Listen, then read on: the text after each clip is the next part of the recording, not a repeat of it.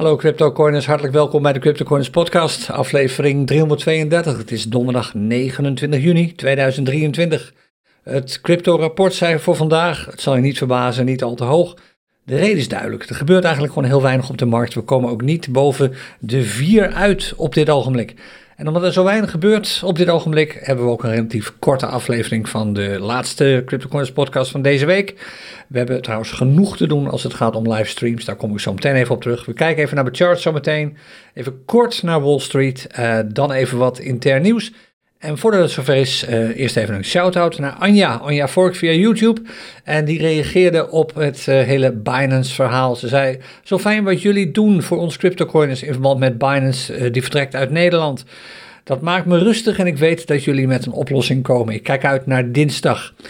Uh, als je afvraagt waar het over gaat, aanstaande dinsdag, de 4 juli, smiddags om 4 uur uh, doen we een livestream. Dan laten we je weten wat onze plannen zijn met uh, handelen, met traden, nu Binance uit Nederland vertrekt.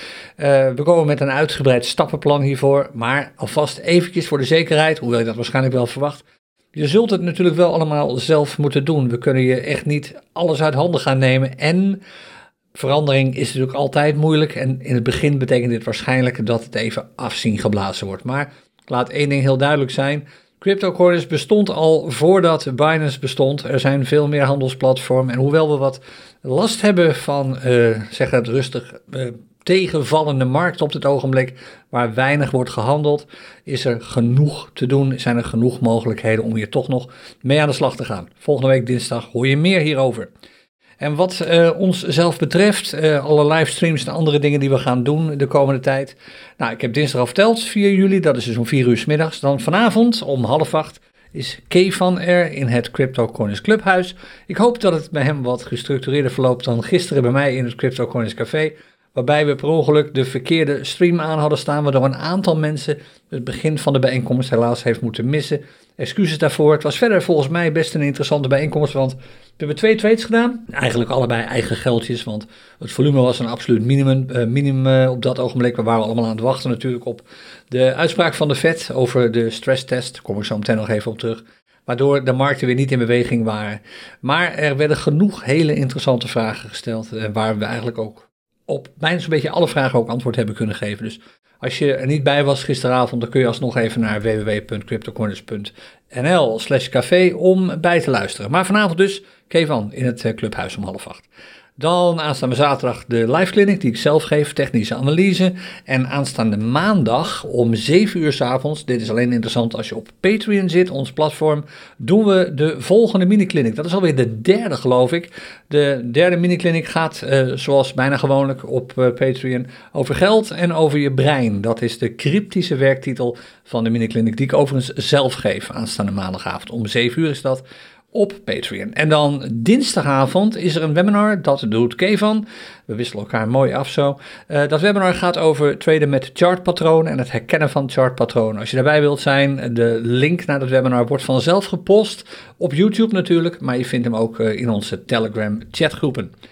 Woensdag 5 juli, dus gisteren overweek, is er natuurlijk weer een Crypto Corners Café. Dus je ziet het, we hebben een hoop livestreams voor je gepland de komende tijd. Dus even tellen hoor, 1, 2, 3, als ik het technische analyse clinic niet meetel, dan zijn het er vier, vijf maar liefst in de komende week. Bijna elke dag zijn we er. Ontzettend uh, leuk om te zien dat dat ook zo enthousiast wordt ontvangen overigens. Nou, tot zover het nieuws van ons. Klein beetje nieuws van buitenaf, misschien heb je het meegekregen. Coinbase versus de SEC. Eigenlijk is het de SEC versus Coinbase, want de SEC heeft Coinbase aangeklaagd. En er is iets interessants gebeurd. Daar kon je eigenlijk wel min of meer op rekenen. Coinbase heeft nu een verzoek ingediend bij de rechter om die hele zaak te seponeren, oftewel gewoon van tafel te gooien. En het belangrijkste argument, en misschien ook wel het beste argument, is dat Coinbase zegt: crypto valt helemaal niet onder de bevoegdheden van de SEC. Ze kunnen wel van alles gaan roepen, maar het is helemaal niet waar ze voor worden betaald. Waarom bemoeien ze zich hiermee? Interessant om te, het staat natuurlijk al wat genuanceerder in, dat, uh, in die pleitnota. Maar het is interessant om te zien hoe de rechter hierover gaat oordelen. Want technisch gezien zou Coinbase wel eens gelijk kunnen hebben als je er vanuit juridisch standpunt naar kijkt. Er is geen, uh, het is heel duidelijk dat uh, crypto geen effecten zijn. Wat meneer Gary Gensler van de SEC ook opeens besluit, want het is eigenlijk gewoon zijn besluit, uh, dat er nu opeens effecten zouden zijn, die cryptomunten. Ja, en dat kun je niet zomaar doen, vindt Coinbase. Dus die zaak moet gewoon van tafel. Dit is, als dat daadwerkelijk zou gebeuren, natuurlijk een bullish signaal.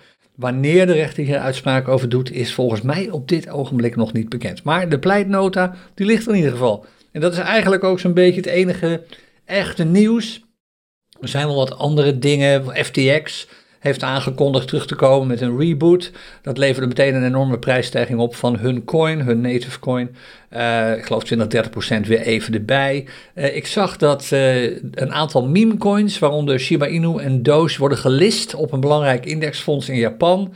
Dat zal ook wel weer een reactie opleveren. Maar ja, het zijn, het blijven, het zijn en blijven natuurlijk meme coins. Ja, en dat is het eigenlijk wel. Steeds meer EFT's, hè, uh, zeg maar een soort uh, indexfondsen met crypto, worden aangekondigd en soms zelfs al gelist.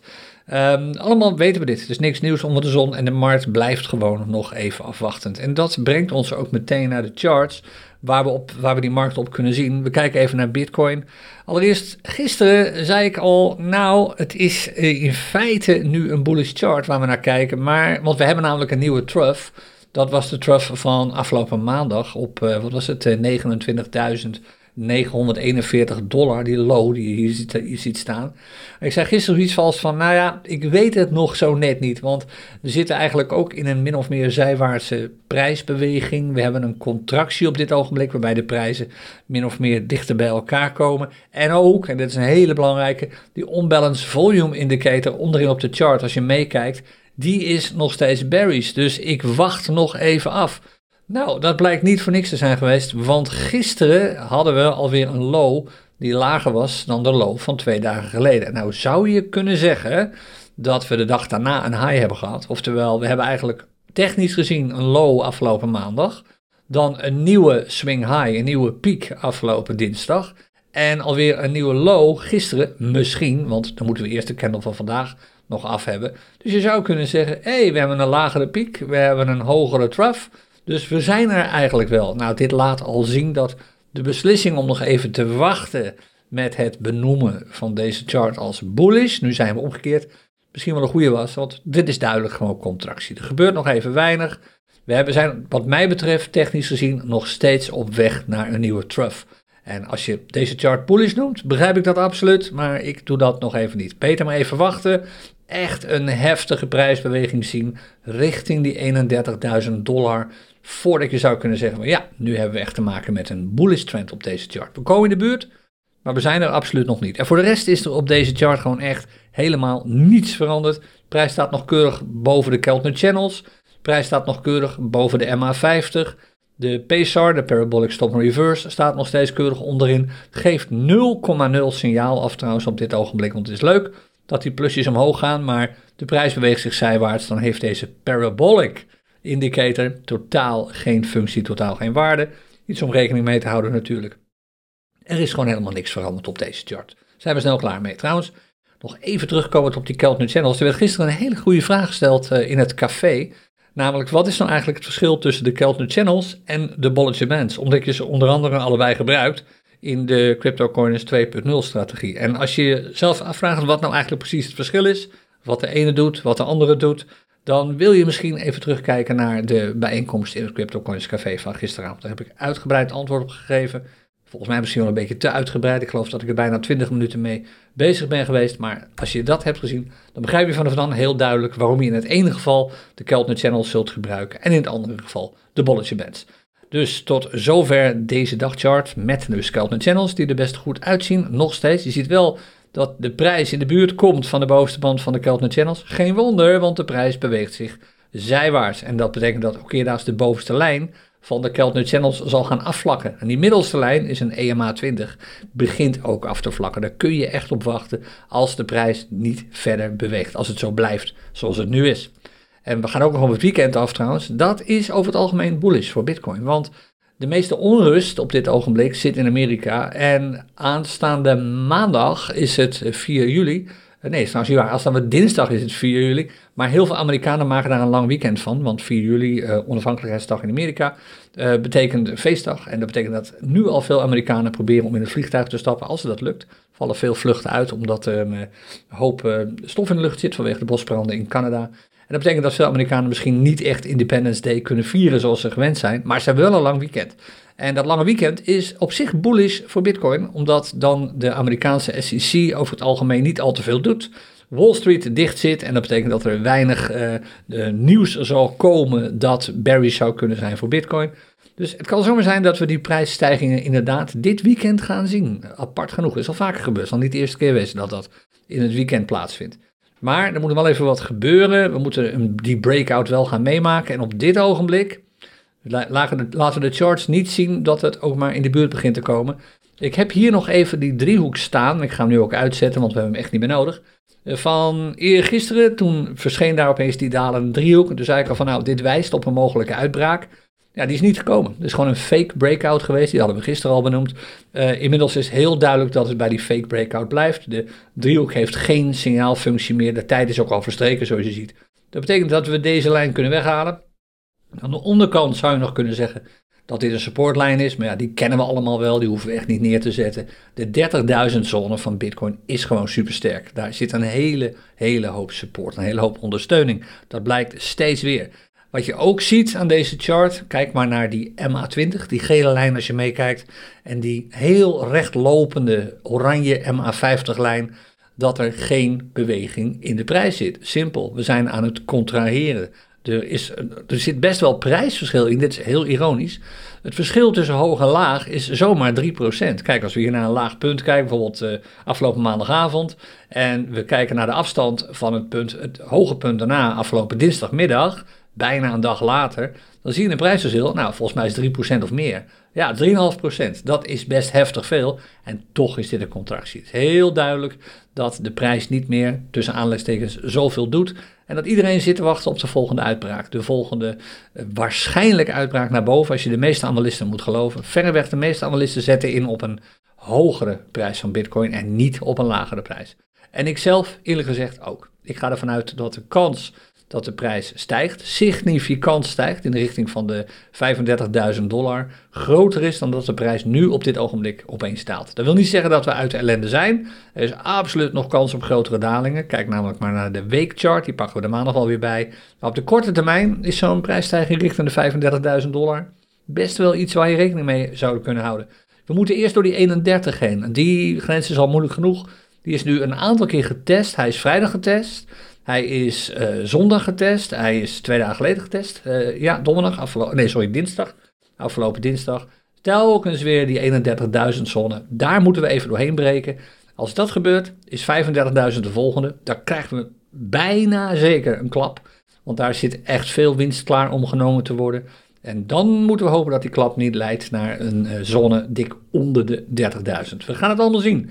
Interessant om deze chart in de gaten te houden, want als de Bitcoin-beweging echt omkeert in bullish, is dat het eerste zichtbaar op deze chart. De uitbraak komt eerst hier op die urenchart en daarna komt hij hier op de dagchart. Dus eerst goed die urenchart in de gaten houden.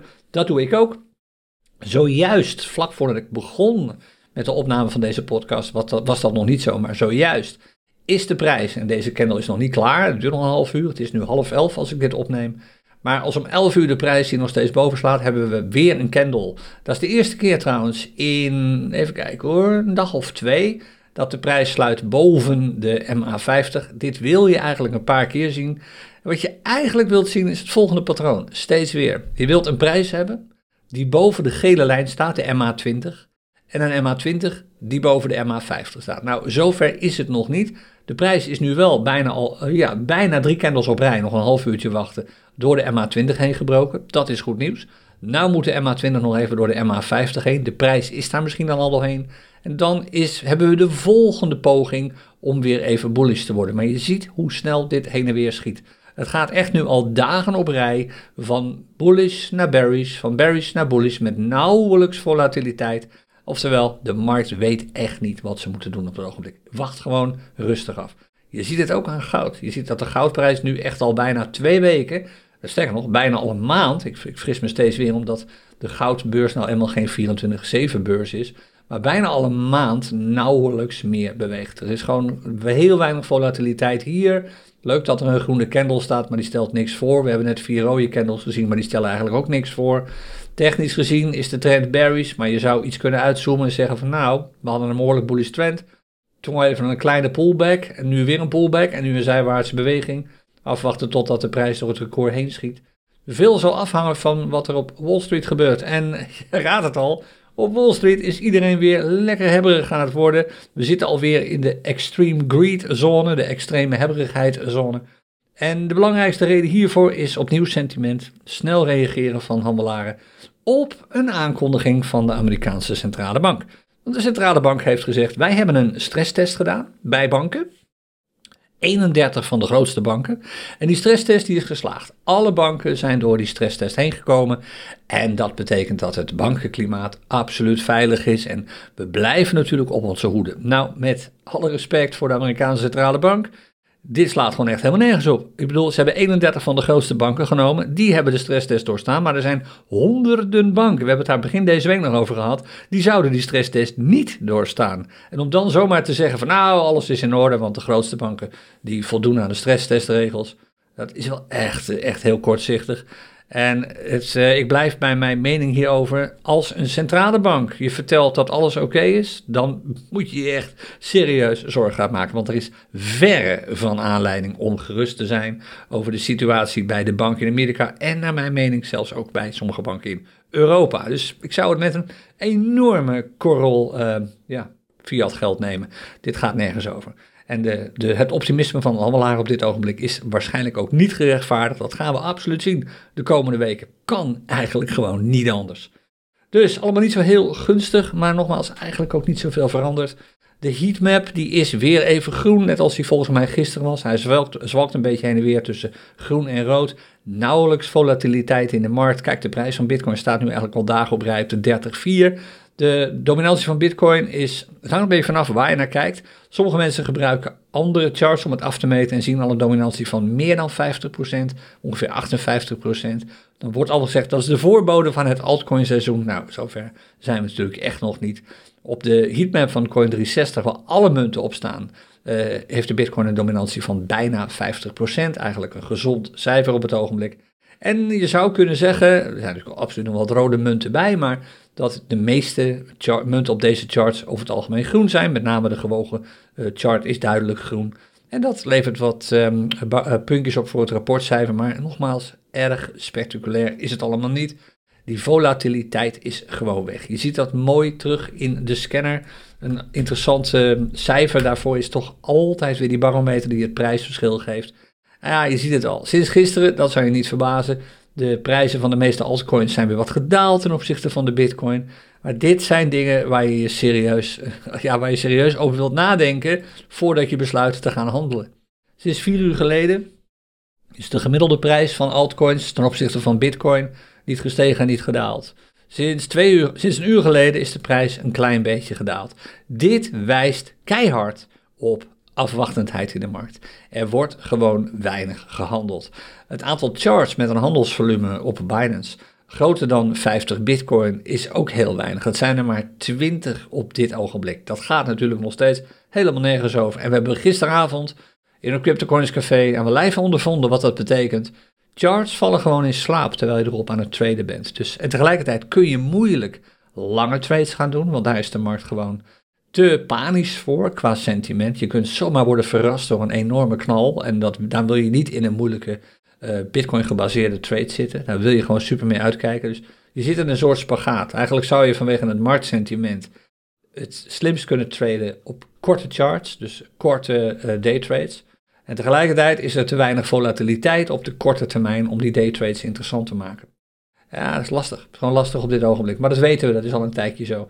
Uh, ook dit gaat weer voorbij, zoals eigenlijk altijd. het lijkt misschien op dit ogenblik, nou ja, dit wordt allemaal helemaal niks meer en het blijft zo en dan gaat Binance ook nog weg. Maar laten we eerlijk zijn, we hebben wel raar, meer, vreemdere en vervelende situaties meegemaakt als het gaat om crypto. Hoe zwaar deze crisis natuurlijk ook erin hakt. Gewoon een kwestie van volhouden, geen gekke dingen doen en je vooral niet gek laten maken.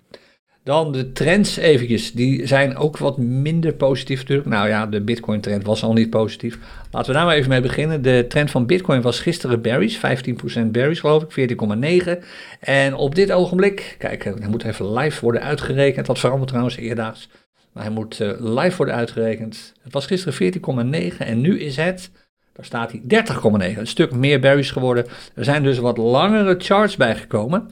Die uh, charts met langere uh, intervallen, die nu weer zijn omgekeerd naar bearish. En dit komt, het komt gewoon puur door een gebrek aan volume. Want zo bearish is het nou allemaal ook weer niet. Kijk, die scanner kijkt gewoon keihard en super analytisch naar pieken en dalen om te bepalen of een trend wel of niet bearish is of bullish is.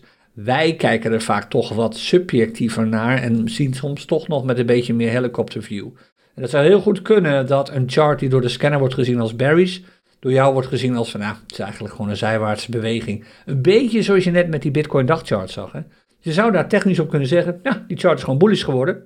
Maar als je er met een wat, uh, ja, zeg maar wat meer van bovenaf helikopterview naar kijkt, zou je kunnen zeggen van, nou, nog maar even niet. Geef er nog even wat tijd. Nou, de scanner is wat rechtlijniger wat dat betreft. Dus neem dit getal nu niet te serieus. Ik zei dat volgens mij gisteren ook al. Of in het café of tijdens de podcast. Maar als de markten niet zoveel bewegen, dan heb je niet zo heel veel aan heel veel indicators. Eh, je hebt wat minder aan de heatmap. Je hebt wat minder aan indicators als MA's, Keltner Channels, Stochastic Oscillator. Ze doen allemaal, ze geven niet zoveel zinvolle informatie af, want er is gewoon te weinig volatiliteit in de markt. Dan even de trend voor de dollarmarkten nog. Tot slot, ik zei het al, dit wordt niet zo'n hele lange aflevering. De trend van de dollarmarkt die was gisteren bullish, uh, best wel aardig bullish nog, de 32%. Hij was meer bullish, hè? we hebben 40 plus procent al gezien. Maar op dit ogenblik is hij nog maar 14% bullish. Dus ook minder bullish geworden. Opnieuw dezelfde schijnbeweging als we hebben gezien uh, bij um, de Bitcoin trends. En dit kan dus zomaar voorbij zijn op het moment dat we een duidelijke uh, upswing gaan zien. Dat de prijzen echt weer in beweging komen. En dit kan, niemand weet wanneer het gebeurt. Het gebeurt sowieso. Ik bedoel, het is altijd zo dat de markt zich afwisselt tussen weinig volatiliteit en veel volatiliteit. Wanneer het gebeurt, weet alleen niemand. Ik denk dat het niet al te lang meer duurt. Ik verwacht een paar. Ik, ik, denk dat het weekend wel eens een rol zou kunnen gaan spelen, omdat nogmaals Amerika min of meer op slot gaat. En daar komt veel vervelend nieuws vandaan. Of in ieder geval nieuws dat de prijzen behoorlijk beïnvloedt.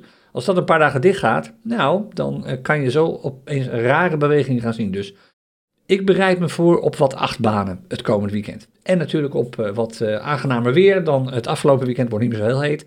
En op de live clinic die ik aanstaande zaterdag ga geven overmorgen, waarin we gaan praten over technische analyse. Als je daarbij wilt zijn, er zijn nog uh, toegangskaarten beschikbaar. www.cryptocoins.nl slash ta-clinic. En anders spreken we je vanavond bij het Clubhuis en volgende week weer bij allerlei andere livestreams en nieuwe afleveringen van de Crypto Coins podcast. Prettig weekend alvast en tot snel. Dag.